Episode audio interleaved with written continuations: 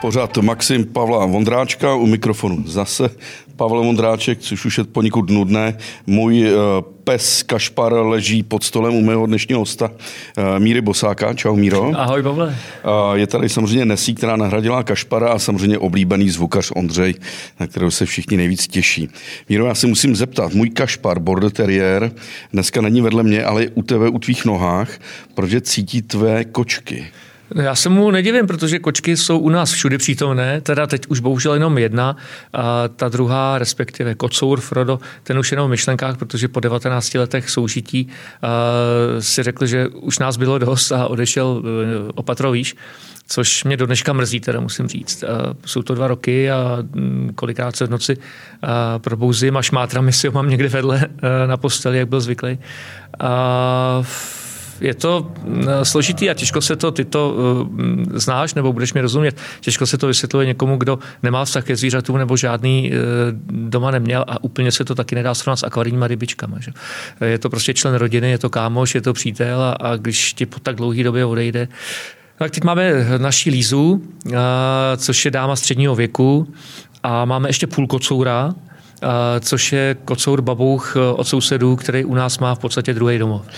Míro, ty jsi jeden z nejznámějších sportovních komentátorů, tak já se musím opravdu znovu zeptat na toho Froda. On ti prý nosil myši do postele. Nosil mi myši do postele, respektive eh, naučil se pak nosit k posteli. A komentoval jsi to nějak? Eh, vyskládali, já jsem mu ráno pochválil, protože s tím samozřejmě nejde nic jiného udělat, než ho pochválit, protože on ti víc nemůže dát, než že ti chytí myš a předájí, jo? že ji sám nesežere. Takže to byla živá myš. To byla živá myš, no. A on teda takhle chytil živou, pak ji zakous, když si s ní pohrál. Naše Líza to dovedla k druhému extrému, ta přinese tu myš, to se naučila ale sežere tak jednu z deseti. Protože dostává pravidelně nažrat, tak proč by e, žrala syrovou myš, tak si s ní pohraje a když ji omrzí, e, tak ji nechá což je povel pro moji ženu, e, začít se starat o to, co s tou myší budeme dělat. Takže mě ve tři ráno budí s tím, že máme v ložnici myš. A já se jí snažím vysvětlit už několik let, že nejsem kocour, že tohle není úplně k řešení v tu chvíli, ale jsem tam prostě musím stát a musím lovit, protože Líza to odzývá, to už zase spí někde a mm, ona myš není úplně příjemná na soužití. Eh, komentoval jsi někdy zápasy zvířat? Ne, a nechtěl bych to. Já, eh, Pardubickou třeba. Ne, ne, ne. Eh, já Zaplať pámbu jsem se k tomuhle tomu nikdy nedostal a doufám, že nedostanu. Fakt si nedojdu představit, že bych se koukal třeba na bíčí zápasy nebo na kohoutí zápasy nebo uh, na něco podobného, na psí zápasy. Uh, Mně to přijde eklahaft. Míro, my se známe 30 let, ale ty jsi známý tím, že oslovuješ lidi, pane kolego, to má nějakou hlubší tradici, nebo, nebo je to inspirace u Bohumila Pečinky, který každýho titulu kolego? No je to tak, že eh, my jsme se s panem kolegou Pečinkou potkali na škole, na fakultě žurnalistiky. On byl o rok výš, jakkoliv je o dost mladší. Ale my právě už prváku s panem kolegou Hrubým, s panem kolegou Švédem a se staršími kolegy, respektive kolegy z vyšších ročníků, panem Klevaňou, panem eh, kolegou eh, Pečinkou, jsme se začali oslovat tímhletím stylem, protože nám vlastně přišlo směšný, jak nám vyučující říkali, pane kolego, a, a bylo to takový spíš úsměvný, tak jsme to okamžitě e, vzali za svý a fakt nám to zůstalo těch no, 33 let nebo kolik. No, pane kolego, my oba dva pocházíme z toho nejlepšího kraje České republiky, samozřejmě ve všem nejlepší Karlovarský kraj. Um, všimáš si, tam nikdy první liga ve fotbale moc nebyla, kromě Rudé hvězdy Cheb. A ty si nějak někdy cítil větší vřelost k Rudé hvězdě Cheb? Nebo... Jo, já jsem jako študák chodil na její zápasy do Poohoří, na ten malý stadion, kde si ligu vykopali, v tom závěrečném duelu s Frýdkem Místkem, pokud si dobře pamatuju, respektive to byl ten souboj, s válcovnami plechu Frýdek Místek. A pak postoupili do ligy, přesunuli se na lokádu, na stadion Lokomoty. To bylo u nádraží, že? To bylo u nádraží, ještě škvárový ovál, ale vešlo se tam 15 000 lidí, což bylo pro ligu dostatečný. A já jsem měl permanentku první roky na Rudou hvězdu, dokud jsem byl ještě ve Františkových lázních, tak jsem tam byl v podstatě na každý domácí zápas, takže já byl v té době fakt velký fanoušek Rudý Jezichyt. Já teda musím znovu říct, že ty jsi z Františkových lázních, odkud pochází i moje rodina, a nejen moje rodina, ale ti nejlepší novináři pocházejí od tamtud. Já se nedivím, tam je dobrý vzduch. Například překladatel a skvělý člověk Pepa Rauwolf, že, hmm. který přišel o panictví v hotelu Imperial a, a jiní a jiní novináři, ale musím říct, že můj strýc eh, Ruda Fiala tě hm, trénoval hmm. jako ve fotbale a pak trénoval i Nedvěda, ale Nedvěd je o nějakých 6 let mladší než ty, Pavel Nedvěd. No on, eh, on je pochází ze Skalný, což je kousíček, pár kilometrů, ale vždycky můžu říkat, že jsem hrával na těch samých hřištích jako Pavel Nedvěd. Po těch škvárách jsme se tulali asi že Vojtanov, společně. Skalná, no, a tak. A pak, když byl teda svátek, tak si ho do Mariánek třeba na trávu. Když jsme měli ve skupině, jak to byly Dalovice a, a, a třeba i Karlovarský kluby některý. Ale byla to škvárová doba a Pavel tím, že byl o pár let mladší, tak měl tu výhodu, že on už mohl nastoupit do sportovní třídy v Chebu, hmm. která vznikla ve chvíli, kdy se Hvězda dostala do ligy, tak aby si připravoval svůj vlastní potěr, tak už e, začala budovat i tu mládežnickou strukturu, takže to pak bylo trošku jednodušší. My tu šanci ještě neměli, my jsme prostě zůstali na těch škvárách. E, Marian Františkový lázně, řekneš mi něco, jak tě to město ovlivnilo? Uh, Přecíž tam se léčí uh, dvě, dvě takové těžké indikace, teda uh, pooperační stavy po infarktu a neplodnost žen. Tak a plus ještě kardiovaskulární záležitosti ano. a nějaká ta pohybová problematika, ale neplodností žen, respektive její léčbou jsou Františku lázně prosule. Já myslím, že úspěšnost není úplně malá. A nechci mm, tady na naší generaci pět jenom eh, samou chválu, ale myslím si, že jsme k tomu docela přispěli. Já, ano, tak narážíš na to, na co jsem chtěl narazit. ne, ale zase na druhou stranu Františku vlastně mám hrozně rád, protože považuji za jedno ještě z posledních opravdu lázeňských měst. A to není nic proti Mariánkám nebo proti eh, Karlovým varům, ale to už je lázeňský průmysl ve velkým. Že? To jsou desetitisíce pacientů najednou. Když to Frantovky, ještě když já jsem byl právě teenager, tak eh, to byly lázně, kde bydlelo dohromady tři tisíce lidí a všude parky, lesoparky, spousta zeleně, všechno si to obešel pěšky nebo objel na kole, nepotřeboval si žádný eh, hromadný dopravní prostředek a hlavně se nespěchal. Jo? Eh, dneska eh, máš pocit, že musíš strašně pospíchat, kvačit a bojovat s časem o vteřiny, o, o minuty, tak to jsem teda v té době vůbec neznal. A to se mi na tom líbilo, že to byl takový zpomalený čas ve Frantovkách. Ale tam přece jezdili často na soustředění velký fotbalový kluby. Ne? To začalo až trošku později právě.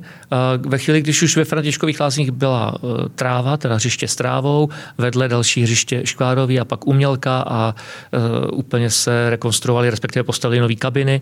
A, tak pak tam začaly jezdit e, týmy jako Sparta, bylo tam Lácio, když právě Pavel Nedvěd hrál v Láciu. Dušan Uhrin tam dodnes provozuje Lázeňský dům, vlastně sanatorium.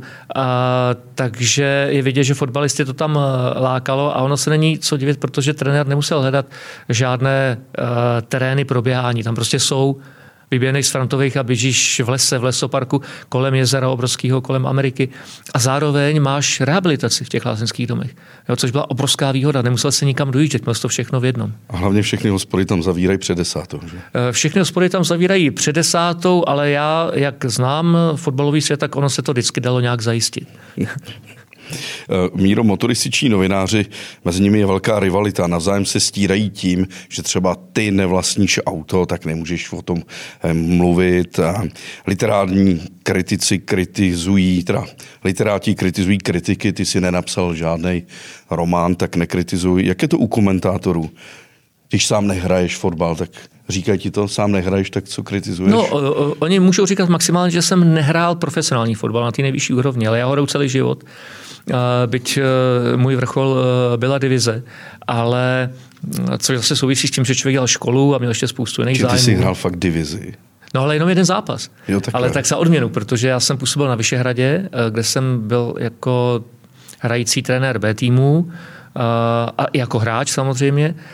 Tam se hrála A třída za Bčko a Ačko hrálo divizi a trenér Andelík na konci roku vždycky pozval ty starší hráči, mi už v té době bylo přes 40 výrazně, ať si jdou zahrát za to Ačko, ať mají divizní starty. A což mě většinou nevyšlo, protože to bylo v době, kdy se hrál turnaj mistrovství Evropy, mistrovství světa, takže já jsem nemohl. Ale jednou ten lichý rok to vyšlo, takže mám skutečně divizní start, ale jinak jsem se pohyboval na těch regionálních úrovních, opravdu ta A třída, krajský přebor a tak. A, takže fotbal jsem hrál a je to samozřejmě dobře, protože ta hra je úplně stejná ať se to bere z pohledu prvoligového nebo reprezentačního, jen je samozřejmě na té úrovni těch profíků daleko rychlejší, ty kluci jsou daleko šikovnější, úplně jiná fyzická kondice, jiná orientace v prostoru, ale eh, primárně ta hra je pořád stejná. A, a eh, já tvrdím, že každý, kdo komentuje jakoukoliv hru, ať je to házená, ať je to basket, ať je to volejbal, tak by jí měl hrát toho teoretika, poznáš okamžitě. Jeho něco jiného jsou skoky na lyžích, jo, tak tam fakt by ta úmrtnost komentátorů byla poměrně velká, kdyby si to měli vyzkoušet. Uh, nebo kdyby měli sjíždět Kandahár, uh, kdyby měli střílet, nebo já nevím. Jo. Uh, ale u těch her je to extrémně nutný. A uh, já mám výhodu, že působím taky v týmu Real Top Praha, kde uh, už skoro 15 let se vydělávají peníze na charitu ale uh, ta druhá věc je, že my si asi můžeme sehrát s klukama, který k nám patří. A těma klukama myslím Honzu Kolera, Láďu Šmicera, uh, Honzu Rajnocha, uh, Máru Matějovský, prostě všechny skvělí fotbalisty, na který si vzpomeneš, tak jsou součástí tohoto týmu. Takže já jsem si zahrál s Pavlem Nedvědem, takže já myslím, že to není úplně špatný. Já jsem Pavla Nedvěda viděl naposledy hrát na hřišti ve Skalné, když hráli proti růžově oblečenému královskému poříčí. A e, byl jsem překvapený, jak se vstekal, jak ho ta rozočí chtěla vyloučit. To byl zápas teda FC Skalná, nebo jak oni hmm. se jmenují, proti Královské poříčí u Sokolova. A byl teda extrémně vsteklej. A já s tebou hraju i golf a ty jsi tam proslulý tím, že jsi extrémně vsteklej. Nikoliv na protihráči, že tam hrajeme každý sám za sebe, ale na sebe. No, to já mám ale celoživotní. Já ale jsem... to jsi i v tom fotbalu taky takhle vsteklej na sebe? No, tak v tom fotbale samozřejmě víc diskutuješ s rozhodčím, to je potřeba říct. A, ale vzhledem k tomu, že hraju fotbal takřka 50 let, tak musím, a většinou na místě stopera, a, tak a, já musím říct, že moje a, úspěšnost, co se týká karet, je obrovská, protože já byl vyloučený jenom dvakrát za těch 50 let. A vždycky to bylo po druhý žlutý za přílišnou kritiku rozhodčí. Jo, nikdy to nebylo, že bych někoho eh, fakt brutálně sfauloval. To ne, na to jsem si dával pozor. Ale vsteklej eh, jsem na sebe prakticky ve všem, co dělám. To je na tom to nejhorší. U Pavla Nedvěda to na hřišti chápu. Já ho zažil při přáteláku se rozčilovat. Jo, protože on to má v povaze. On chce vyhrát. On, on vždycky ze sebe chce vydat maximum a eh, tak vlastně to chce trošku i po těch jiných, ale i potom rozočím. A já tohle to mám trošku podobný, ale hlavně vůči sobě ať dělám, co dělám, tak já s ničím nejsem spokojený. Jo, teď uh, si tady sedneme, až uh, dotočíme a já si budu říkat, no ty vole, to mohu říct taky úplně jinak. Jo. A tam si to řekl uh, špatně stylisticky a, a zase budu nespokojený. A já pořád přemýšlím o tom, jestli se mi povedlo v životě někdy něco, o čem bych řekl, že to bylo stoprocentní. Jo? Hele, já jsem jako golfista, mě pochopíš, já mám za sebou tři hole in one. Jo? To se nepovede mnoha profíkům. Jo? Ale já jsem si ty dvě třeba vůbec neužil, protože to bylo přes horizont a já jsem nevěděl, že ten míček v se skončil. A jdu na green a rozčiluju se. Kam to mohlo skočit? Teď to byla slušná rána. Jak je to možné, že tu ten balon není? A až po těch dvou minutách toho mm, burácení najednou zjistí, že ten míček je v jamce. Že? Ne, bylo mi tě teď líto na Kanárských ostrovech, kdy jsme spolu minulý měsíc hráli mistrovství Evropy mediálních mrdek, pardon, novinářů, kde jsme skončili pátí z 12 tak eh, po tom prvním kole si tam seděl úplně vyřízený a smutný. No, protože a... jsem hrál špatně, nešlo mi to. No, Uh, tvrdí se, když, už jsme se, když jsme štrejchli ten golf, eh, že ten golf se změnil nástupem Tigera Woodse z toho hmm. takového hmm. uvolněného sportu, v podstatě pařícího, chlastacího nástupem tohohle atleta, který to celý změnil. Uh, stal se z toho skutečný sport. Je to tak? Nebo? Je, je to tak, on byl ten první, kdo zavedl fakt těžkou fyzickou přípravu a když jsem viděl jeho harmonogram ještě před lety, kdy byl výrazně mladší a kdy to jel naplno, tak to bylo opravdu stávání v půl šestý ráno, rozcvička, šel se proběhnout pár kilometrů, pak si dal snídani, pak šel cvičit nějaký golfový údery na dvě hodiny, pak zase svačina, chvilku odpočinek, potom šel do posilovny, odpoledne si dal devět jamek, pak si ještě zaběhal, pak nějaká rehabilitace, masáž a byl to full-time job na 12 hodin denně minimálně. Jo, takže na jednu stranu ten golf výrazně změnil, ale ono je to podle mě v pořádku, protože golf se hraje o tak velký peníze, že si zaslouží, aby ti hráči byli perfektně připravení a aby předváděli fakt dobrý výkony. Což ty kluci předvádějí. A předvádějí je až vlastně nadlidský. Proto se už dneska uvažuje o tom, jak zařídit to, aby nehráli tak daleko, aby ten gol byl pro normálního diváka sledovatelnější. Jo, protože eh, jak je to u toho fotbalu, já taky dokážu přihrát na 40 metrů a taky dokážu vyskočit a trefit hlavou balon, takže dám góla jako ty kluci v Realu Madrid. Samozřejmě, jak říkám, na úplně jiných parametrech. Ale pořád se to může stát. Můžu zažít to samý. A v tom golfu to nejde, protože my v životě nezadrajvujeme 340 metrů jako Bryson DeChambeau. Že? A, a ten špičkový gol se začíná trošičku odstřihávat od toho golfu, který hrajeme my. Najednou je to fakt úplně jiný sport. A to začíná vadit eh, těm normálním hráčům. Přestávají na to eh, koukat, eh, protože vědí, že tohle je něco, co oni nikdy nebudou moc zahrát. A ten míček, no, já ho ani nevidím, když to ten Ferrer pošle na 300 metrů, jak, jak ho mám vidět. Že? Takže vůbec nevím, jakou tu ránu vlastně zahrál. Uh, je to problém i pro kameramany, ono se to nezdá, ale uh, fakt golf točí opravdu mistři. Když máš utáhnout v hledáku na 300 metrů balon, jo? A ještě s přestřihnutím třeba. To je, to je strašně těžký. A, takže na jednu stranu je to dobře, že ty kluci jsou takovýhle atleti, ale teď je potřeba zase najít zdravou míru toho, aby to nebylo jenom záležitostí síly, aby se taky muselo přemýšlet a v tomhle to vždycky byli e, dobrý kritici, e, ty staří psy, jako byl Jack Nicklaus nebo Arnold Palmer, a, který říkali, no dobrý, tak on to zahraje na těch 320, 340, ale když mu řeknu, aby zahrál ránu, která se po 140 metrech má zatočit doprava kolem lesa, tak ji nedá. Tak to je prostě. No. A nestalo se něco podobného v Oštěpu, kde se změnilo těžiště, aby to nelítalo přes 100 metrů a udělat to třeba při těch driverech? Že se změní jejich úhel? Nebo... Teď se jedná právě buď, že se zkrátí drivery, eh, nebo že se budou měnit míče, že budou asi jiné míče pro ty rekreační hráče a jiné pro profíky, asi měkčí, které zdaleka tolik nelítají.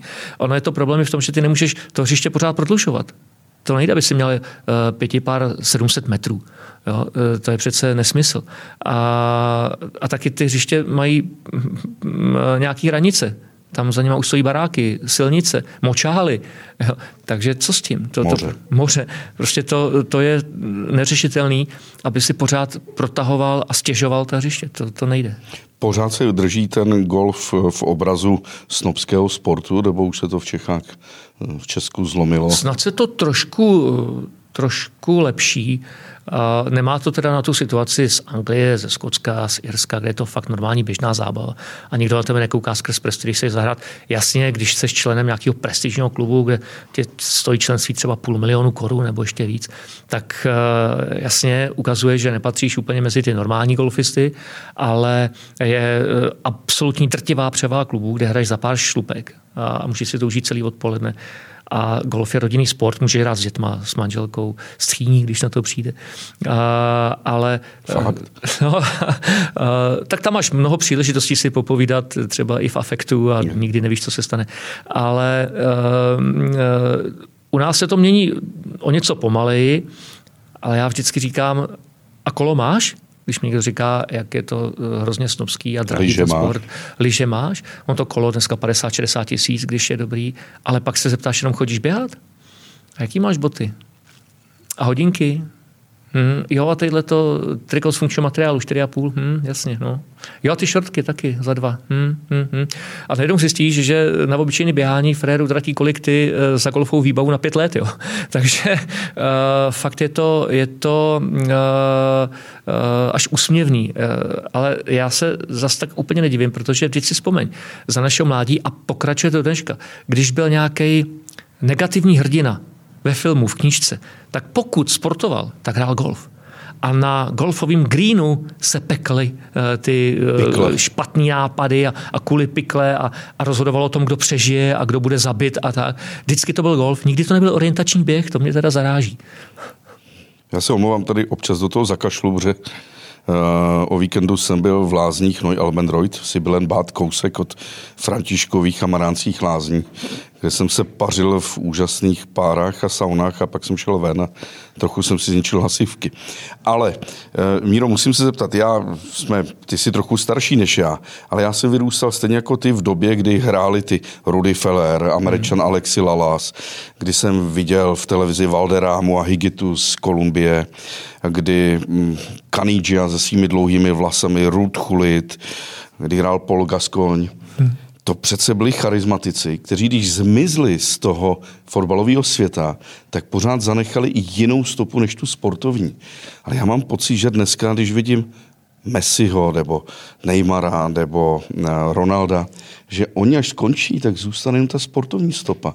Že z toho uniklo to charizmaty, skandály. No je to, je to trošku podobný s tím golfem. Jak se golf profesionalizoval se všem všudy, tak vlastně tohle má i fotbal, že ta koncentrace na tu sportovní stránku, na ten výkon je čím dál tím vyšší a je to i tím, že kluby se tě snaží držet velmi zkrátka, i co se týká veřejných vyjádření, eh, co se týká nějaký tvý prezentace, mají na tebe kolikrát i marketingový práva, nebo většinou, mm-hmm. buď kluby nebo agentury. A jestli je dneska něco, čeho se eh, šéfové klubů, majitele a taky šéfové agentur, které zastupují hráče, bojí, tak je to jakýkoliv kontroverzní vyjádření. Aby náhodou, protože tam by ten kontrakt s touhletou společností nemusel vít a nebude těch 10 mega, eh, jak jsme byli domluvení, protože by zrovna tohle vyjádření jim nepasovalo do obrazu. Jo? Takže eh, já si myslím, že to je hodně daný i tou dobou, jak, jak ta politická korektnost v tom špatným před přebujelým slova smyslu dneska vládne, tak eh, ty kluci se taky radši nevyjadřují a, a mě... Takže drží hubu a krok do jisté eh, míry? Do, do velké míry se to stává. Naštěstí nejsou všichni takový, ale mě třeba hrozitánsky vadí, že se blíží mistrovství světa v Kataru a všichni, kdo tuhle věc trošku sledujeme, tím myslím fotbal a věci okolo něj, tak uh, víme, že v Kataru by se to asi konat nemělo. Že? Absolutní porušování lidských práv. Co jsem koukal na Amnesty International podle poslední statistiky, uh, já jsem o tom teď psal článek, 6,5 tisíce dělníků zemřelo za tu dobu, co Kataru bylo přiděleno pořadatelství v roce 2010. Při přípravě staveb a při stavbách samotných, protože oni fakt pracují v otrockých podmínkách. A mm, já jsem čekal, že právě ty velké hvězdy vystoupí a řeknou, hoši, s námi do Kataru nepočítejte, to jste se zbláznili. Jestli chcete, abychom byli na mistrovství světa, tak to dejte jinam. A nestalo se, protože to je obrovský biznis, obrovská politika. Katar si to koupil se všem všudy, jako reklamní poutač na svoji zemi. A bez ohledu na to, že nejpopulárnějším sportem je tam sokolnictví a, a dosti velbloudů. A to nemyslím nějak pospěšně, tak to prostě je. A, a e, naštěstí teď, nebo už v poslední době se ozývají hlasy hlavně ze severu Evropy, jestli vůbec, i když by si e, třeba týmy Finska nebo e, okolních zemí e, vykopali postup, jestli mm, by tam měli jet hrát do Kataru. Takže teď se o tom aspoň trošku mluví, ale samozřejmě se na tom nic nezmění. To mistrovství světa se bude A není to tak trochu licoměrné, když si vezmeme třeba pražskou slávy, která je vlastněna eh, Čínou a samozřejmě lidská práva v Číně jsou možná úplně na stejné úrovni jako v Kataru, možná ještě hůř. Otázka je, kolik zahynulo třeba i v Číně lidí při stavbě všech sportovišť. Hmm. Už jsem tady se bavil s Jirkou Skalem, naším rugbystou. Myslím, že tam jsme se bavili o tom, jestli by byl schopen fandit eh, nacistickému klubu ve 30. letech a udělal jsem tu paralelu s dneškem, kdy samozřejmě tento čínský klub, prezentovaný a vlastněný samozřejmě Čínou, taky to nikomu nevadí, že hraje za Slávy, že jo? No, eh, já myslím, že se dá eh, v klidu říct, že z toho radost opravdu nemám. A na druhou stranu jsou to soukromí společnosti. A to mistrovství světa je trošičku rozdíl, protože to je státní záležitost se vším všudy. Jo? A i ryze politická. Dáváš nějaký signál. Jo? A když si jeme, že ty poslední šampionáty se konají v Rusku, v, Čí, v, v Kataru, Eh, že se konal koupený šampionát v Jižní Africe, eh, tak eh, si člověk uvědomuje, jak moc je to provázaný právě politika, peníze a sport. A sport, ten vrcholový, už dneska je tak strašně zatížen těmi finančními nároky, že si to bez nich asi už nikdo nedovede představit. A vzpomenu si Slávy, teď si vím, jak těžkou hlavu musí mít uh, normálně uvažující fanoušek Newcastle, populárního anglického klubu. Když je teď koupil tenhle klub Saudsko-arabský princ, tedy státní fond, ha, ha, ha, a, a Saudská Arábie a lidská práva, to pořád si myslím, že ještě Katar je na tom o něco líp než ta Saudská Arábie. Jo? A uh, ani v té Anglii se na tím nikdo uh, extrémně nepozastavuje. A, Naopak viděl jsem fanoušky, kteří přišli eh, v tradičním arabském oděvu hmm.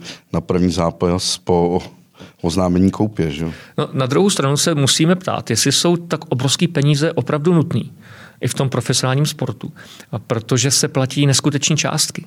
Fakt, uh, uh, Messi, Ronaldo a tahle kategorie hráčů, ta už nepočítá, co má na účtech. Že? Tam jsou miliardy na, na x životů. Ale, ale jasně vyjednává se o nových a dalších smlouvách uh, pro tu prestiž. Já chci mít nejvíc, chci ukázat, že jsem ten největší a nejlepší.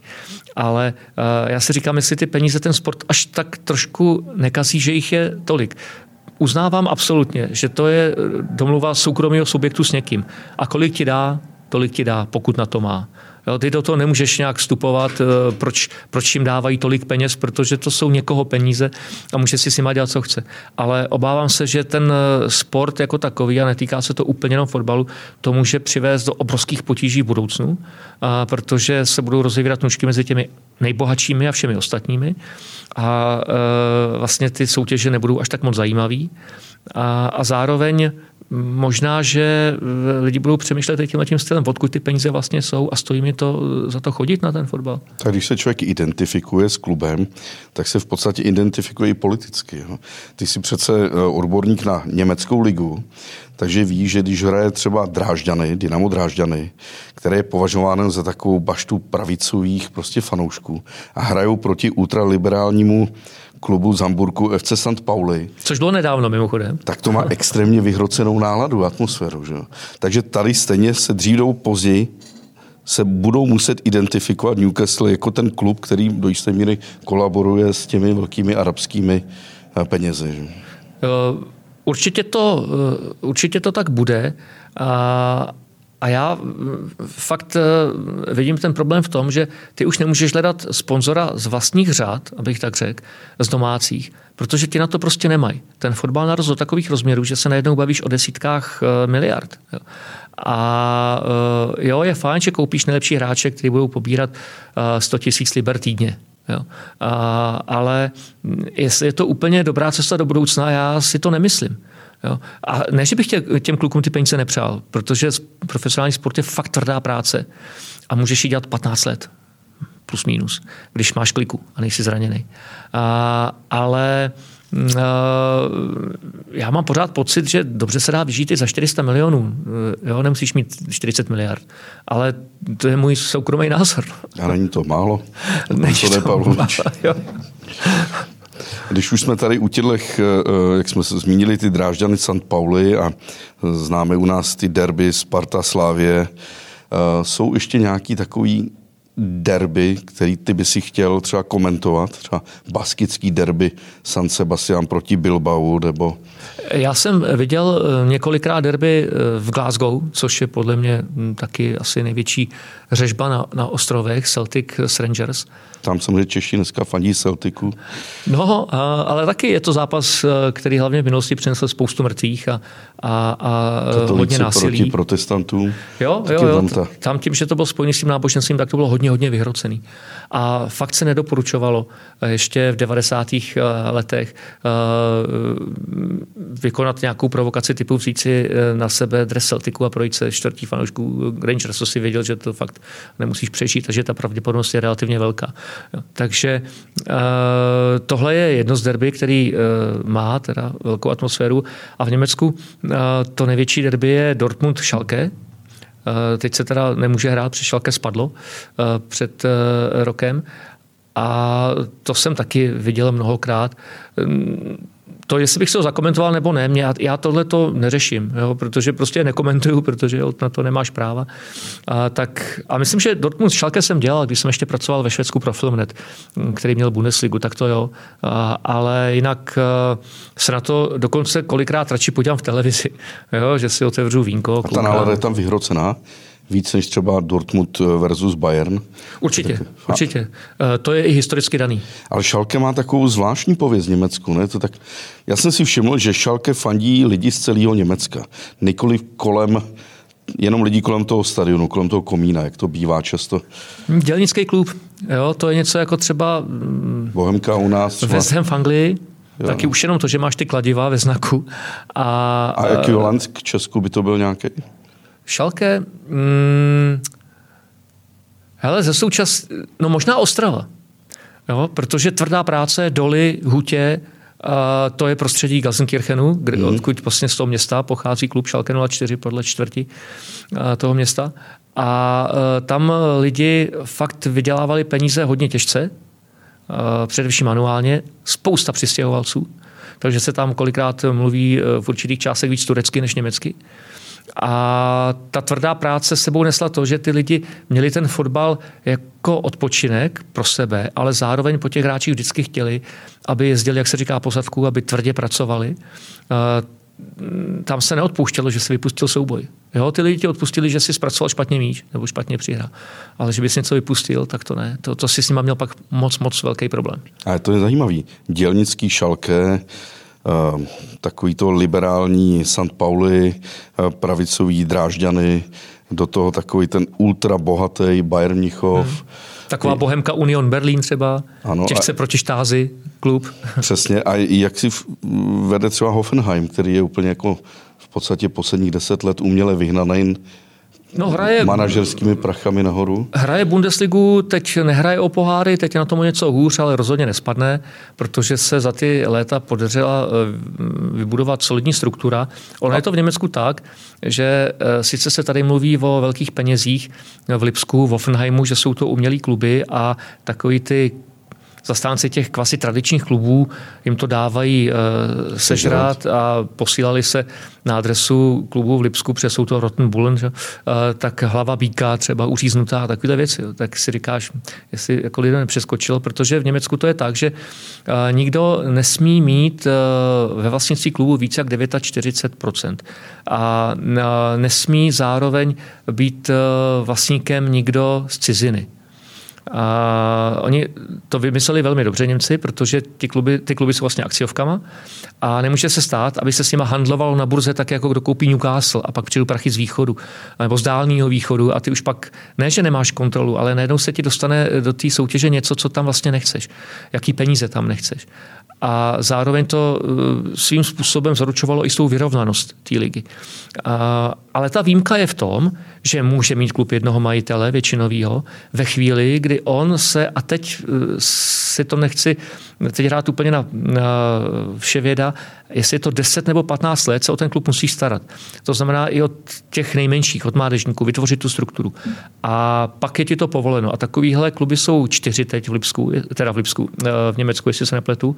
Je to Lipsko, a Red Bull, Hoffenheim, a Leverkusen, protože to patří Bayeru, mm-hmm. velké firmě eh, farmaceutický, a Wolfsburg, eh, že, Volkswagen. A, takže to jsou výjimky, které existují, ale ty největší, Bayern, Dortmund, eh, tak to jsou opravdu kluby, které nejsou založený na tom, že je vlastní jeden člověk a tím pádem nehrozí nebezpečí, že to někoho přestane bavit, a bude to chtít střelit. Je ještě v Německu nějaká, nějaký klub s tradiční fanouškovskou základnou, jako je třeba Schalke? Uh, Už takový, že výrazný, že... Je to, je to ten Dortmund, který je blizoučko, že to je pár kilometrů, co dělí tyhle města od sebe, to je Liberec a Blonec vlastně na český poměry. A, a ta fanouško, fanouškovská základna je taky obrovská. A myslím si, že žádný takový klub už v Německu není, co se týká početnosti toho fanouškovství. Je fakt, že hodně oblíbený je St. Pauli, právě pro ten přístup, který tam k tomu fotbalu měli a mají. To je taková bohemka, ne? Česká.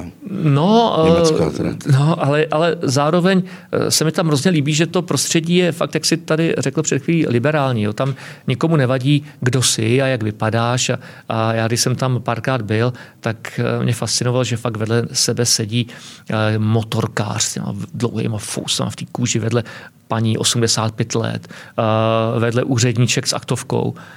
Nikomu nic nevadí. A je to teda těžce antinaci. Jo? To tam nesmí. A jinak absolutně svobodný místo. Fajn, mně se tam, mně se tam hrozně líbilo, ale co se týká fanouškovský základny, tak určitě Bayern, Dortmund, Schalke, to bude vlastně absolutní vrchol v tom Německu. A Eintracht Frankfurt tady ten úplně zmizel? Mm, tak ten si tu ligu kope, oni hráli určitě líp než letos, a, ale to je takový klub, který vlastně kromě Německa nikomu zas tak moc neřekne. Jo, bývaly doby, kdy tam hráli lidi jako Uwe Bein a, a Tony Jeboa a fajn, chytal Stein, ale mm, je, dneska je to takový Pane kolego, a máš šanci ještě některé, mají šanci některé kluby z východu Německa, Hansa Rostock nebo uh, Energie Cottbus, že by zase hráli někdy první ligu? Určitě to bude eh, odvislý od peněz, eh, protože musíš koupit dobrý hráče. Byť samozřejmě v Německu to zdaleka nestojí tolik, jako třeba v Anglii, jak jsme se tady bavili. A pak možná taky může být problém eh, podobný tomu, o čem mluví trenéři moravských klubů, že hráčům se tam moc nechce z Čech. Jo, že i když jim nabízí dobrý smlouvy, tak vemou smlouvu nižší někde jinde, ale v Čechách v dobrý dojezdové vzdálenosti. No, vzhledem k tomu, co se dělo a děje na dálnicích v České republice, tak se zas tak moc nedivím. Jo. Takže ono se ti nechce uh, jet za rodinou uh, z Ostravy do Prahy 6-7 hodin. To, to, no ale co je třeba příčinou toho, že v každé zemi máš nějaký dominantní kluby z toho hlavního města a pak máš to Bčkové hlavní město. I, i v Rakousku vídeňský kluby proti Innsbrucku, v Německu to, to vidíš, vidíš to ve Francii, ale u nás to Brno nic, fotbalově prázdný. Je to, a je to strašná chyba, protože druhý největší město by mělo mít ligový fotbal. A, a já to tvrdím pořád, aby se pralo s Ostravou, s Prahou o, o tituly, o pohárová umístění. A, tomu českému fotbalu fakt tohle hrozně chybí, protože by to asi zvýšilo konkurenci, ale to se musíme ptát, co se tam dělo v minulosti, jak se hospodařilo, eh, jaký byl management, eh, jestli vůbec třeba majitelům tehdy šlo o to tu ligu hrát. Eh, jestli to vůbec zajímá tu Jižní Moravu, ten fotbal? Já si myslím, že Slovácka. když vidíš, že se daří hokej, proč by se nemělo dařit fotbalu? Jo? Daleko víc lidí hraje aktivně fotbal než hokej, logicky. A, a takže i ta fanouškovská základna je větší. Ale asi to tam neuměli dělat. Jo, ono to taky souvisí s tím stadionem, Lužánky, 30 let vlastně mrtvola, nebo kolik, nevím přesně, a hraje se na srbský, což fakt není fotbalový stadion, to není dobrý. A ta atmosféra je taková, jaká je. Brno by se zasloužilo fakt dobrý fotbalový stadion. Nemusel by být nějak obrovský, ale myslím si, že kdyby se podařilo postavit stadion pro 15 tisíc lidí, 18 tisíc lidí, tak by byli všichni spokojení a lidi by se zase naučili chodit na fotbal v Brně. A bylo by to jenom ku prospěchu věci, ale nevím, jak dlouho to bude trvat, než se toho dočkáme. Teď se Zborovka snaží dostat z druhé ligy do první, tak uvidíme, ale to, ten stadion to asi samo o sobě nepřinese. Ne? Míro, znáš nějakou, nějaké dánské filmy? Eh, člověče, dánský filmy, to si mě docela dostal, protože... Já to uvádím, Uf, protože nevím. dánská kinematografie má třeba čtyři Oscary, my máme, myslím, dva nebo tři, ale je úspěšnější než naše, ale přesto vlastně je nám neznáma.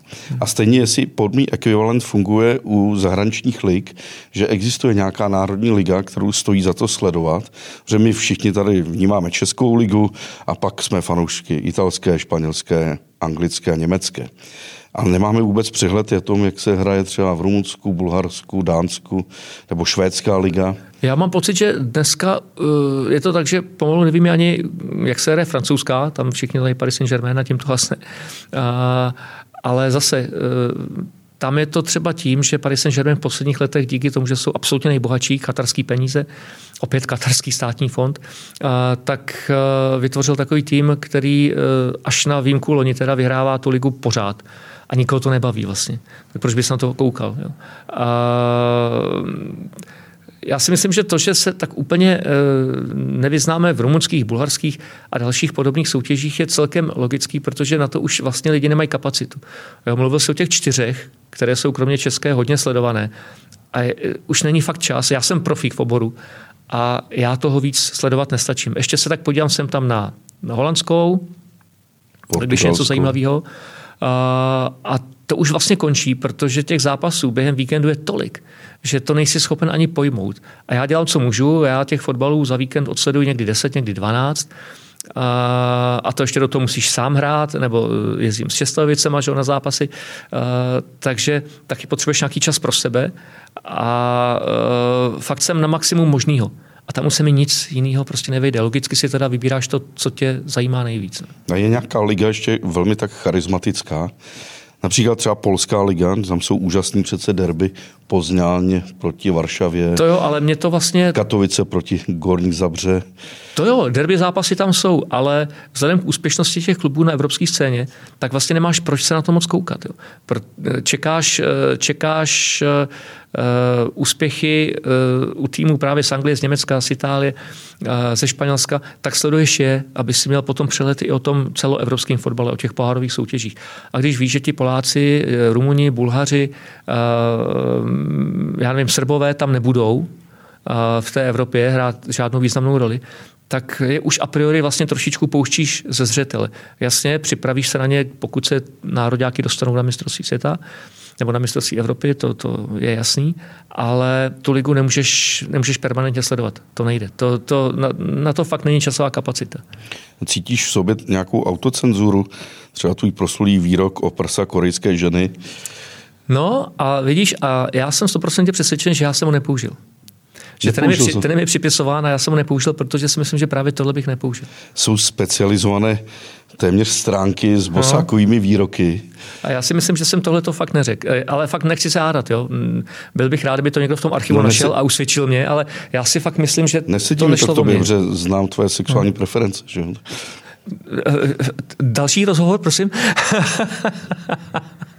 ale ne, je to, je to takže ta autocenzura musí do určitý míry fungovat. A teď si nemyslím v tom negativním slova smyslu. Spíš v tom, eh, eh, že nemůžeš plácnout všechno, co ti napadne. Jo, ty nemůžeš toho hráče urazit. A ty nemůžeš o někom, kdo hraje 15 let ligu a teď se mu něco nepovede, tak nemůžeš říct, Kriste, pane, to je kopito, tyhle, to je strašný. Jak, ho, jak ho můžeš stavět, trenér? Jo? To nejde. To si může zakřičet fanoušek na tribuně, ale ty to prostě použít nemůžeš. A, takže do jisté míry autocenzura funguje, nemůžeš použít samozřejmě vulgární výrazy, to, to je jasná věc, a, ale na druhou stranu, když e, tahle omezení zvládneš, tak všechno ostatní by vlastně mělo být dovoleno v tom smyslu, že můžeš být kritický, můžeš vyjádřit názor, můžeš říct, co si o věci myslíš, nebo měl bys dokonce. Od toho je komentář. A když se podíváme na definici, na definici komentáře, tak tam všechny tyhle složky jsou obsaženy. To jo, vlastně. To mě nenapadlo, že to od slova komentovat. Uh, ty hlášky, kterými si proslul, ty máš někdy připravený nebo tě napadají v průběhu Nemám, nemám a ani bych to nechtěl, protože samozřejmě jsme zažili mnohokrát, že někdo si připraví něco dopředu, pak to použije a ono to je neorganický. Hmm. To prostě poznáš, jo, že ta věc je připravena. Jak ten člověk se na to chystá, jak se připravuje a sleduje si ta situace. A, a, teď, a, te, a teď to teda řeknu. Blbost. A, a za druhý, mě by to nebavilo i z toho důvodu, že já celý život mám nebo beru ho jako challenge. Jo. Pořád přichází nějaký výzvy a ty jim musíš čelit a buď je zvládneš, nebo je nezvládneš. A jedna z těch challenge je to, jestli tě napadne v tu chvíli nějaká zajímavá věc, kterou bys mohl říct. A uh, fakt se nedodu představit, že bych chtěl napsáno ve 30. minutě, řeknu, pokud se stane tohle, tak tenhle uh, výrok použiju. Ne. Uh, když se něco stane, semele na hřišti a tebe nic nenapadne a napadne tě to až dvě hodiny poté, co se k tomu v hlavě vrátíš, tak si musí říct, že jsi vůl, a, že ti to nezapálilo včas, ale a, já mám rád improvizaci jo, a improvizuju zase vlastně celý život. I když především, co se práce týká, improvizace vyrůstá z pevného základu, musí být připravený a pak můžeš improvizovat. Improvizovat na vodě, to je cesta do hrobu ale mm, eh, všechny tyhle výroky jsou vždycky čirou, eh, čirou improvizací a jenom je otázka, jestli včas otevřeš ten šuplík v hlavě. No. Eh, je to můj pocit falešný nebo není, že se mi zdá, že v posledních letech komentuješ razantněji, emočněji, méně zataženěji než třeba před těmi 15-20 lety? Já ti nevím, takhle jsem o tom nepřemýšlel, ale jasně, že člověk se vyvíjí. Takže komentuju určitě jinak než v roce 94. Jo, to, to je jasný. Máš taky víc zkušeností a troufnu si říct víc, rozumíš i té profesi, ale i tomu fotbalu. Jo, protože už si všechno viděl. Ty, ty věci se opakují logicky. A, takže k tomu přistupuješ trošku jinak. A může se to zdát, že e, člověk dřív daleko víc mluvil a dneska se snažím to diváka spíš nerušit a potom to může vypadat tak, že ta vyjádření jsou razantnější, protože těch slov je daleko míň. Jo. Takže to může být uh, uh, z části pravda a z části to může být ten dojem, že uh, tam nemáš takovou tu přebohatou slovní výplň, na kterou jsem začal být alergický před, před x lety. A uh, vstoupíš do toho třeba ne 20, ale třema větama, do kterých vlastně koncentruješ těch 20 vět, který by řekl někdo Takže jiný. necháváš toho diváka, ti... Ať si to hraje ten příběh v té hlavě, ať si to trošku komentuje se mnou. Zvládl by si dělat rozhlasového komentátora? Asi jo, já myslím, že jo. Tam musíš přistupovat úplně jinak. Tam ne? popisuješ. Tam je popis absolutní základ a, a uh, rychle umli, uh, mluvit umím a myslím si, že na tom hřišti bych se taky nestratil. Takže fakt si to představit eh, dovedu, i když je to trošku jiná disciplína, ale troufnu si říct, že líp se naučí komentovat pro rádio televizák, než naopak. Mm-hmm. No, já jsem měl eh, několik oblíbených komentátorů, kteří jsou tím možná protivní. Viktor Hugo Morales, rozený Uruguayec, komentoval v Argentíně, že jeho slavný barilete kosmiko, když vesmírná střelo, z jaké planety si se snesla, když Maradona dal ten úžasný gól. A to já se bojím, jestli tam právě nejsou tyhle věci předpřipravený trošku.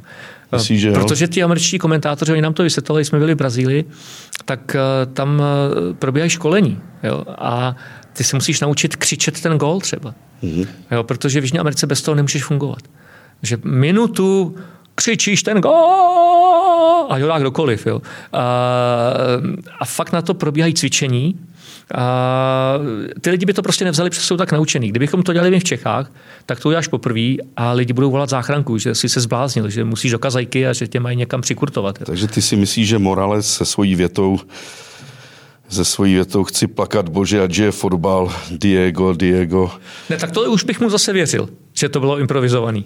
Možná teda ona věta, aby naše země, jak zaťatá pěs, volala Argentína. No. Jedna Anglie nula.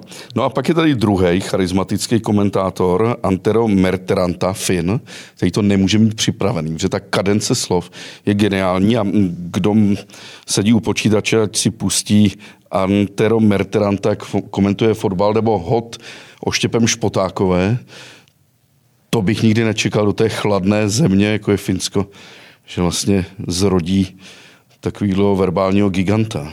Ale je tam přece krásný to, že na něm vidíš, jak on eh, fandí tomu sportu.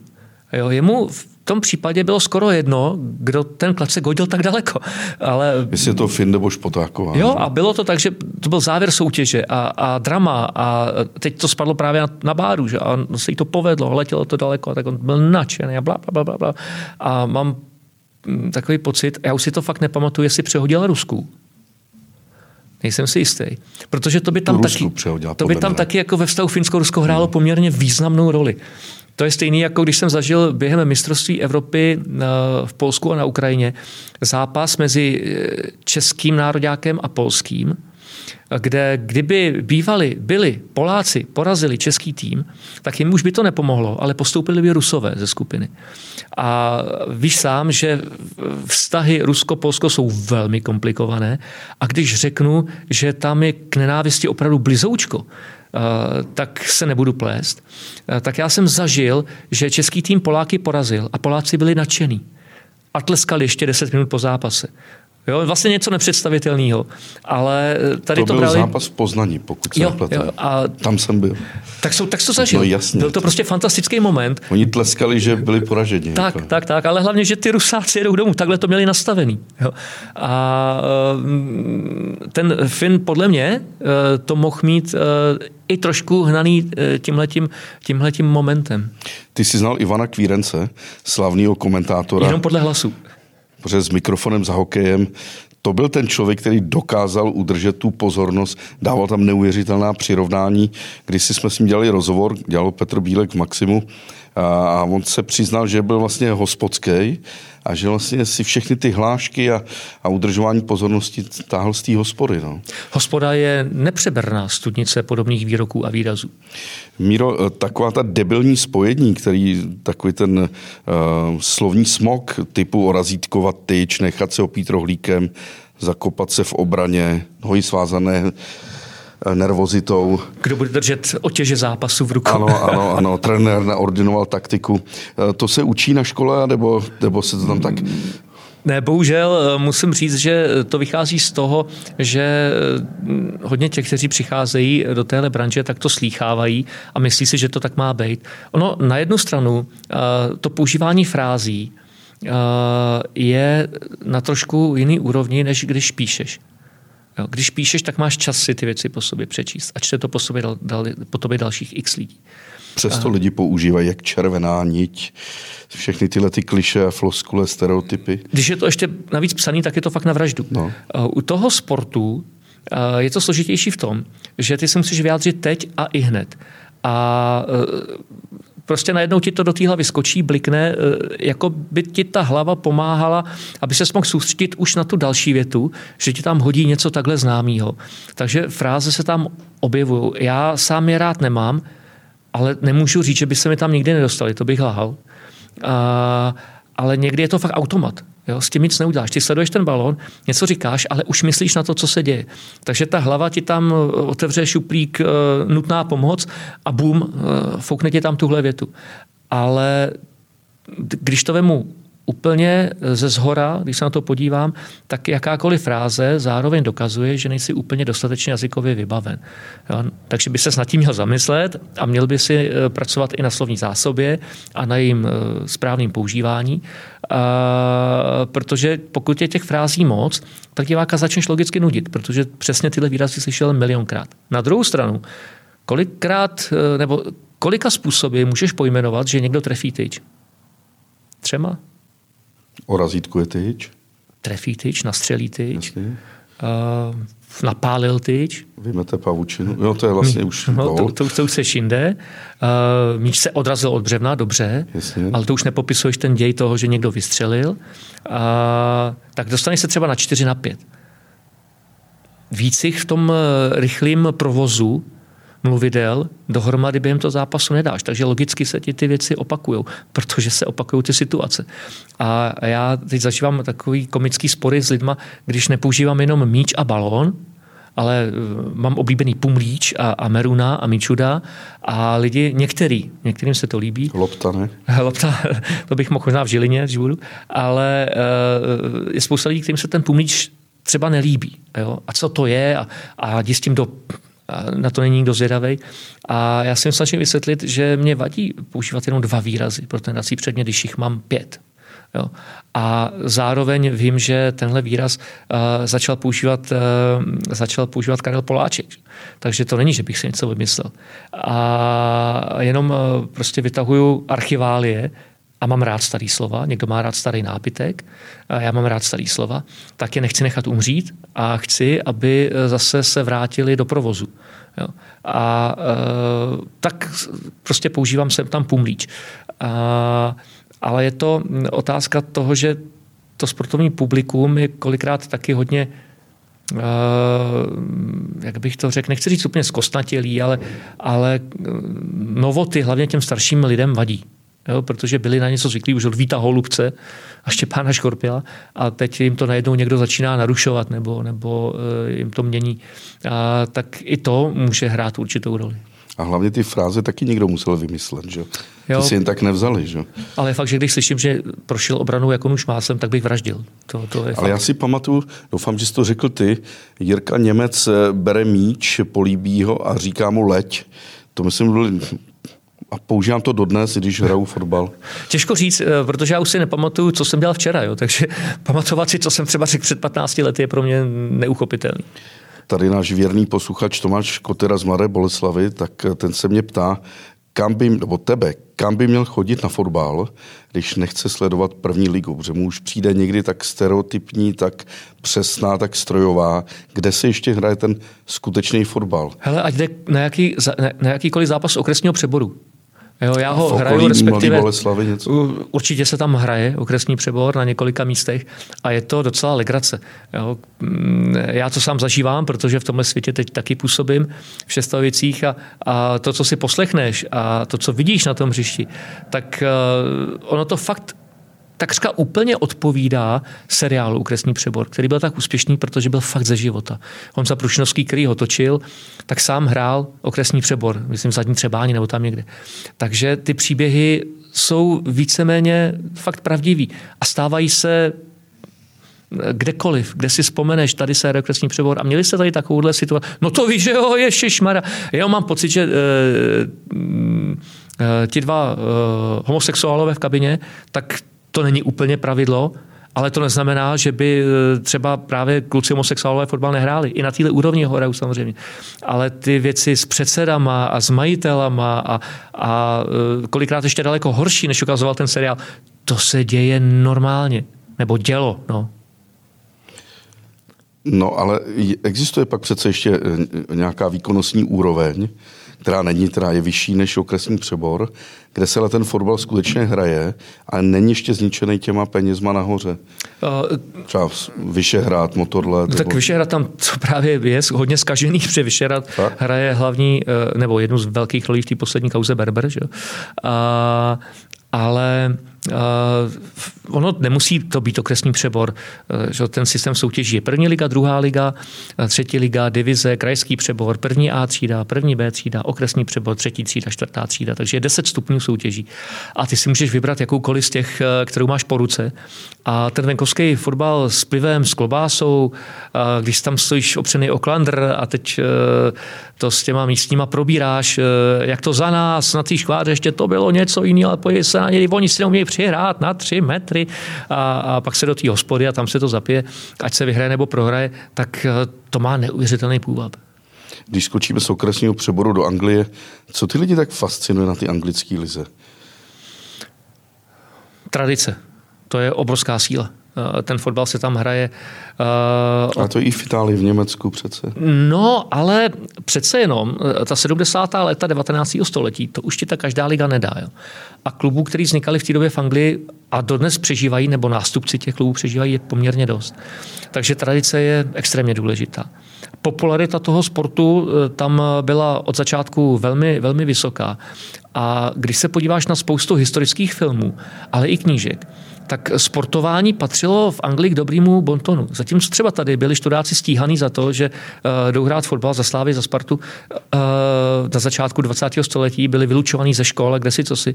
Naopak v Anglii sport patřil ke školnímu vzdělání ať to byl box, ať to bylo běhání, ať to bylo veslování, ať to byl právě potom třeba fotbal. Uh, takže uh, ten vztah k tomu sportu je trošičku jiný.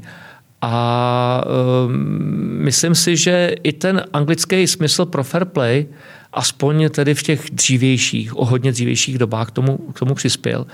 A a fotbal je ta krásná hra, že si nedivím, že si ty lidi na ostrovech eh, zamilovali, protože zároveň tam mohlo hrát roli i to, že byli vlastně hned od začátku mezi těma nejlepšíma na světě a tu pozici více-méně nikdy neopustili. Eh, stal se z toho anglický národní sport, to mm, eh, je spíš pro historiky než pro mě, ale já si to vysvětluji těma příčinama, že je tak populární dodnes. Jak jsme jim nepřáli, aby vyhráli mistrovství Evropy? No, ale ty kluci na hřišti za to nemohli. No. To je vždycky ten problém, že eh, se svezou s tím, že eh, v hledišti je třeba i pár tisíc absolutních debilů, který, který pokazejí zážitek a chovají se jako uh, absolutní trotlové. Ale to, jak známe, není ryze anglický problém, že? To ne. Když jsem tady spovídal Jirku Skala, rugbystů, tak hezky popisoval ten rozdíl mezi rugby a fotbalem. I v chování těch fanoušků, že je zcela jiný. Komentoval jsi rugby taky někdy? Rugby jsem nekomentoval. A jakkoliv se rád podívám na fakt uh, velký zápasy při mistrovství světa typu Austrálie, Anglie třeba, nebo Nový Zéland, Francie, Argentina. To jsou, to jsou dobrý mače a opravdu je fascinující, že tam sedí fanoušci obou týmů promíchaný, nikdo nikoho nenapadá. A je to jiný svět. Je to jiný svět. Uh, fotbal asi tohle to nikdy uh, nezažije, když si uh, jenom uvědomíš, co se stalo nedávno v Trnavě, uh, to, co se uh, děje kolikrát i na uh, stadionech uh, v Česku, uh, tak rugby v tomhle tom fotbal nikdy nedoběhne. Bohužel je mi to líto, protože já bych to přivítal, mě by to hrozně bavilo, uh, ta atmosféra okolo. Ale to samé je třeba americký fotbal v Americe kde to může být taky promíchaný jak chce a nikdo se s nikým nepere. Jo, je, to, je to prostě jiný svět. No. Máš pro to nějaké vysvětlení? Že ten fotbal přitahuje určité skupiny? Je to ta ano, tradice? Je to ta tradice a, a zároveň, e, zároveň mm, asi e, to vybíjení těch pudů, nízkých pudů, bylo na fotbale jednodušší. Mm, já si fakt nedokážu úplně vysvětlit, proč to nebylo u rugby ve 30., 50., 70. letech. Proč, eh, proč fotbal? Asi je to tím, že eh, ty fanouškovské skupiny fanouškovský, těžko říct, jestli fanouškovský, ale skupiny těch lidí, kteří eh, tam jdou fakt udělat bordel a to je jejich primární cíl, tak vždycky viděli asi ten fotbalový stadion a to prostředí okolo něj jako ideální. Nevím, jak bych to jinak popsal. Ne? Míro, kam to půjde dál, když jsme se bavili o tom golfu, že už se to bude muset i technologicky měnit, aby to bylo nadále přitažlivý i pro amatéry. Kam ten fotbal půjde dál? On je rychlejší, eh, hráči jsou štílejší, jsou vyšší. Já se svými 1,65 m samozřejmě už bych jako ne, neuspěl. No Messi není vyšší. Ne, mám 1,67 m, to mě trochu naštvalo.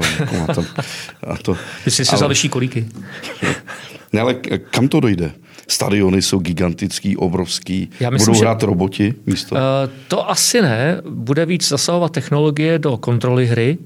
Může se stát, že nějaká technologie bude umístěná v míči, nějaký prvek a, a uh, vlastně ta technologie bude suplovat rozhodčího třeba úplně za, za nějakou dobu. A, ale e, fotbal jako takový už se o moc zrychlit nemůže, protože e, člověk má nějaké limity víme, že prostě za sedm sekund stovku neuběhne. Nikdy. A pokud teda fakt nebudou na hřišti humanoidi, což doufám, že ne. Ale může se zlepšit ještě trošku třeba nějaký taktický uh, taktický pojetí hry a uh, hráči budou líp plnit úkoly uh, těch trenérů, ale myslím si, že o moc už to posunout nejde. Mm, bude se měnit to, že se třeba za čas bude hrát tak jako zabicana na dva obránce a pět útočníků, aby padaly góly, aby ty zápasy zase končily třeba 8-3 a, a 7-5 a nebylo to 0-0, 1-0. A to by asi bavilo všechny ale uh, zase spousta trenérů ti řekne radši 18x 1-0, než třikrát vyhrát a šestkrát dostat richtu, jo, protože pak mě vyhodí. Takže uh, uh, tahle cesta asi, asi uh, je spíš takovou, takovou pohádkovou vizí, ale myslím si, že co se týká fyzické připravenosti, co se týká rychlosti, co se týká tvrdosti, odolnosti, tak tam se toho už moc, moc vylepšit nedá. No, nestratí to na atraktivnosti, když toho fotbalu zmizel alkohol, drogy, děvky, všechno to, co vytvářelo ten, ten obal kolem toho samotného sportu a to, co... Se mi líbí, jak mluvíš v minulým čase. Tohle vždycky trošku namontovaný bude, a protože pořád to hrajou mladí kluci. Jo. A já bych chtěl upozornit na to, že to jsou 20, 25 letý frajeři, který taky potřebují občas vypnout a, a potřebují si s proměnutím vylejt hlavu. A... No, já si myslel, že po zboření hotelu Praha už není ne, nic možného. pokud, pokud to dělají ve volném čase, A v době, kdy mají třeba aspoň ty tři neděle volna v létě, tak ježiš, já jim to přeju. Fakt jim to přeju, protože ten stres je veliký. Vem si, že dneska jsou fotbalisti uh, někde na úrovni uh, herců a dalších uh, činitelů showbiznesu. Jo, jsou pod drobnohledem, neuvěřitelným. Každý má mobil. Každý tě vyfotí kdekoliv. Eh, každý o tobě napíše cokoliv na nějakou sociální síť. Musíš být extrémně opatrný ve svém soukromém životě. A fakt se nemůžeš projevovat tak, jak bys chtěl v mnoha případech. Eh, to já si říkám, že jsem šťastný, že jsem prožil mládí v době, kdy nic takového nebylo. Jo? A ještě ty devadesátky, které byly hodně divoký, třeba z naší strany, tak jako těžko někdo mohl vytáhnout mobil a, a zblejsnout tě. Jo? A, takže za to, jsem, za to jsem rád a, a nemůžu přece chtít po těch klucích, a, který od deseti let eh, jsou víceméně pořád na hřišti, pořád trénou, soustředění, zápasy, aby se těch dalších 20 let chovali jako chovanci kláštera. To Ale prostě není možný. Možná, že jsem deformovaný naším společným známým, s kterým hrajeme golf, Radkem Bejblem, hmm. což je takový Mirek Dušín českého českého fotbalu, tak ultra seriózní, korektní, nekonfliktní. Hmm, ale... Uh, Rozčil se Radek vůbec někdy? Ale to víš, že jo, to, víš, to, to, já si ho zase pamatuju, ale, ale nikdy to nebyl nějaký vyložený extrém, jo, to asi nemůžu říct. Ale uh, je to tak, že uh, jde o to, aby ty kluci si ty věci, o kterých jsme se bavili, že se třeba jdou napít a, a táhnou to do rána, aby si to odbyli v době, kdy mají volno. Jo, a ve chvíli, kdy se vrátí do toho tréninkového procesu a do toho fakt profesionálního světa, tak zase musí sekat latinu. Ono to totiž jinak nejde. Dřív by to ještě šlo odpustit a řeknou ti dneska trenéři a hráči, kteří třeba skončili před pár lety, hele, dva dny před zápasem, tahli jsme to a přijeli jsme na mm, Přijeli jsme na kukavoze s popelářem a na stadion a trenér kouká jako blázen, že jo. Poslal nás domů, že jsme nemohli ani chodit, ale za dva zápasy, protože jsme věděli, že musíme, tak jsme prostě vyhráli 6-0 a já jsem šel teda mrtvej, hotovej, ale, ale podal jsem ten výkon. A, a to už dneska nejde to fakt eh, nejde ani z tělesného, z fyzického hlediska, protože ten organismus by to poznal, protože ten fotbal je fakt daleko fyzicky náročnější. A, ale nejde to i proto, že fakt si nemůžeš být jistý, že tě někdo nevyblejskne a, a že nebudeš mít obrovský problém. Míro, poslední tři otázky, jdeme už hodinu 6 minut, krásně plyne. Prosím tě, eh, hráč Maruan Felajny, ty ho znáš, hmm. konečně jsem si vzpomněl, koho mi připomíná, uh, Vaška Svobodu Vapa. jo, jo, jo, jo. Dlouho jsem o něm neslyšel, tím toho zdraví. Další věc, já pro mě do jisté míry fotbal skončil tím předloňským úmrtím, nebo Maradony, nebo loňským. Hmm. Uh, byl to skutečně tak geniální hráč, anebo ten jeho obraz toho ale fotbalista to byl určitě geniální. Uměl všecko na to, že hrál v podstatě jenom jednou nohou, tak byl jako super geniální. Ale já jsem měl třeba radši jiný hráče, musím říct. Koho? A já jsem byl fascinovaný vždycky třeba Rudem Krolem, což byl nizozemský reprezentant v době, kdy já jsem byl mladý. A Johan Cruyff se mi strašně líbil. A Maradona, fotbalově na něj nemůžu říct špatný slovo, ale on ten talent se taky snoubí s tím charakterem. Jo, ale zase on žil v době, kdy, kdy uh, si si mohl dovolit daleko víc, než si dovolíš dneska, i ve smyslu životosprávy a jeho porušování. Ale pořád se špádem svého života a dostat se pak do spádu mafie a, a fungovat pro ní v mnoha, v mnoha případech a, a protáhnout nosem eh, tuny uh, prášku. A, já jsem s tím měl vždycky trošku problém, že mně přišlo, že Maradona nikdy nedospěl. Jo, pořád žil v zajetí toho krásného snu, že je ten úžasný princ fotbalista, je mu všechno dovoleno, všechno smí. A, a mm, jakkoliv jeho kvality uznávám, a takovýhle genius a, se fakt rodí jednou za 30 let, tak a, já, kdybych si měl vybrat, tak a, si půjdu pokecat s jiným fotbalistou. A je pravda, že on, jak byl malý, podsaditý, tak měl úžasnou stabilitu. Těžiště nízko, takže si ho těžko dostával na zem. A I když po něm teda v té době šli, protože tehdy se fakt červená karta dávala za to, že to zastřelil, toho protihráče. Takže fakt to taky hodně schytal, měl to nesmírně těžký. A ty stopeři té doby ho fakt chtěli odrovnat, zranit. E, a on se s tím musel vyrovnávat a vyrovnával. A, ale vzhledem k tomu, jak byl technicky e, vybavený a měl ty první tři, čtyři kroky, tak to, to, to, to, to nešlo chytat v podstatě. No. Viděl jsi ten dokument o něm? Viděl, viděl, viděl. A tam přesně jde vidět, že vlastně on nebyl už pánem sám sebe. Že no a to, mě, to mi právě vadí, jo? že ztratil kontrolu nad svým životem, nad svým já a nechal to k tomu dojít. Jo? A byly doby, kdy z toho mohl vystoupit, z toho vlaku. A ten dokument, co o něm natočil Emir Kusturica, kde je ta scéna, jak oni si hlavičkují na stadionu, myslím v Bělehradě, hmm. a oni oba dva hrajou naprosto krásně. To jsem si řekl, tyhle, ten, ten Kusturica umí hrát fotbal. No a zároveň v tu chvilku byli asi svobodní, víš? Jeden hmm. i druhý. Míro, děkuji mnohokrát, to bylo strašně příjemný povídání. Díky. Eh, rád jsem přišel mezi tebe, psy a vůbec jsem do redakce do studia. Díky, tak ahoj. Měj se Čau. pěkně.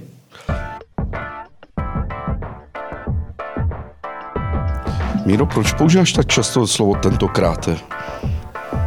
Pokud je to tak, že je to často, tak je to chyba. Nebo je to záměrně obnovování krásného slova? Ne, ne, ne, Tento to určitě ne. krát je tam kr, to expresivní. Bylo by fajn, kdybych ho použil párkrát, ale jestli jsem ho použil eh, výraz, tentokrát je častěji, tak je to moje chyba a měl bych si ho víc zkontrolovat a tímto vlastně můžu eh, sdělit, že tentokrát návštěva u mikrofonu byla přínosná, protože se na sebou budu muset zamyslet. Tak to byl tentokrát Míra Bosák. Díky, čau. Ahoj.